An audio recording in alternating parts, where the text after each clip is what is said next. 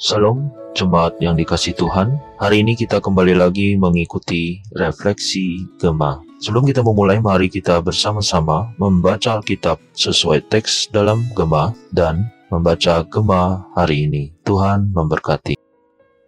Shalom. Bersyukur kepada Tuhan untuk segala kebaikan dan cinta Tuhan kepada saudara dan saya di dalam kehidupan kita.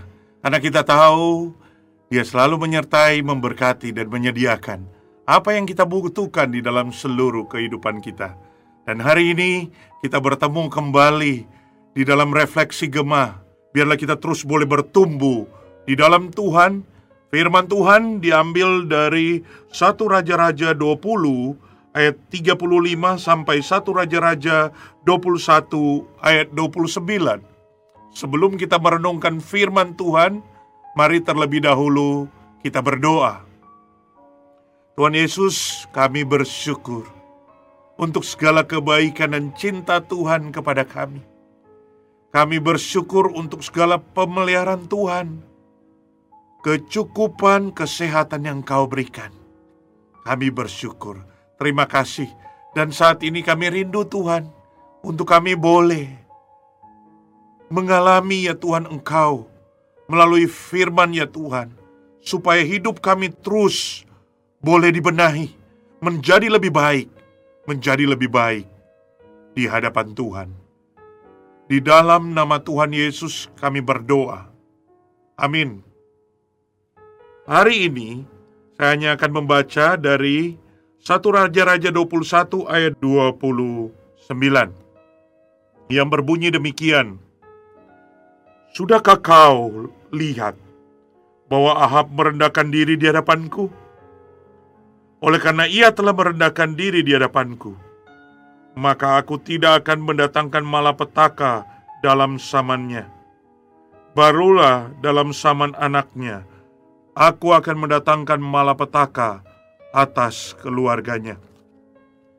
Di dalam bagian yang kita baca ini, penghukuman itu diberikan oleh Tuhan kepada Ahab karena Ahab itu membiarkan kejahatan terjadi. Apa yang terjadi?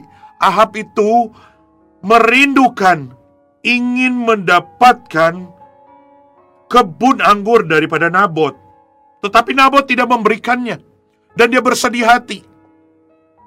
Kemudian Isabel berkata, Ya udah, tenang saja. Nanti kamu akan lihat, kamu akan mendapatkannya. Kemudian dengan liciknya Isabel itu melakukan membuat surat perintah untuk kepada tua-tua dengan cap meterai daripada raja untuk membunuh Nabot. Dan akhirnya Nabot mati dan Ahab mendapatkan kebun anggur itu. Dan atas apa yang Ahab lakukan itu, ya, dia membiarkan kejahatan terjadi, membiarkan keserakahan menyelimuti dirinya, dia membiarkan penindasan kepada orang yang lemah dan bahkan membunuh. Maka Tuhan menurunkan hukuman kepada Ahab. Hukuman itu yang kita sudah bacakan tadi. Bahwa akan terjadi malapetaka di dalam seluruh keluarga daripada Ahab. Dia akan mati, Isabel akan mati, seluruh keturunannya semua laki-laki akan mati.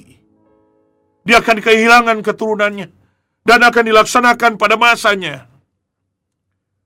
Namun menarik di dalam bagian ini oleh karena pada ayat yang ke-27 Ahab itu dia bertobat. Dia mengoyakkan pakaiannya mengenai kain kabung. Dia berpuasa. Bahkan dia tidur dengan memakai kain kabung. Wah Tuhan melihat hal ini. Dia ini melihat ini suatu yang luar biasa. Sehingga Tuhan itu memberikan anugerah. Di dalam ayat 29 dikatakan, Sudahkah kau lihat bahwa Ahab merendahkan diri di hadapanku? Oleh karena ia telah merendahkan diri di hadapanku, maka aku tidak akan mendatangkan malapetaka dalam zamannya barulah dalam zaman anaknya aku akan mendatangkan malapetaka atas keluarganya. Ini luar biasa sekali. Apa yang kita bisa pelajari di dalam bagian ini? Yang pertama, bahwa Allah kita adalah Allah yang pengasih dan penyayang. Mazmur 103 ayat 8 di sana berkata, Tuhan adalah pen, penyayang dan pengasih, panjang sabar dan berlimpah kasih setia. Tidak selalu ia menuntut dan tidak untuk selama-lamanya ia mendendam. Luar biasa sekali. Allah kita adalah Allah yang pengasih dan penyayang. Sehingga tidak heran kalau dia itu bisa menyayangi Ahab yang sudah berkali-kali tidak taat dan tidak setia kepada dia. Yang selalu berbuat jahat di hadapan Tuhan. Karena Allah memang Allah pengasih dan penyayang. Panjang sabar dan berlimpah kasih setia.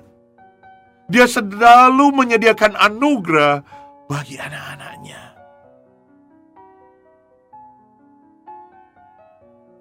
Oleh karena itu, kita selalu harus datang kepada Tuhan. Dia selalu menyediakan pengampunan. Karena pengampunan yang daripada Tuhan itu adalah pengampunan yang besar. Pengampunan yang Tuhan selalu sediakan bagi saudara dan saya. Yang kedua, apa yang kita bisa pelajari dalam bagian ini? Bahwa pertobatan adalah kunci untuk kita mengalami anugerah Allah.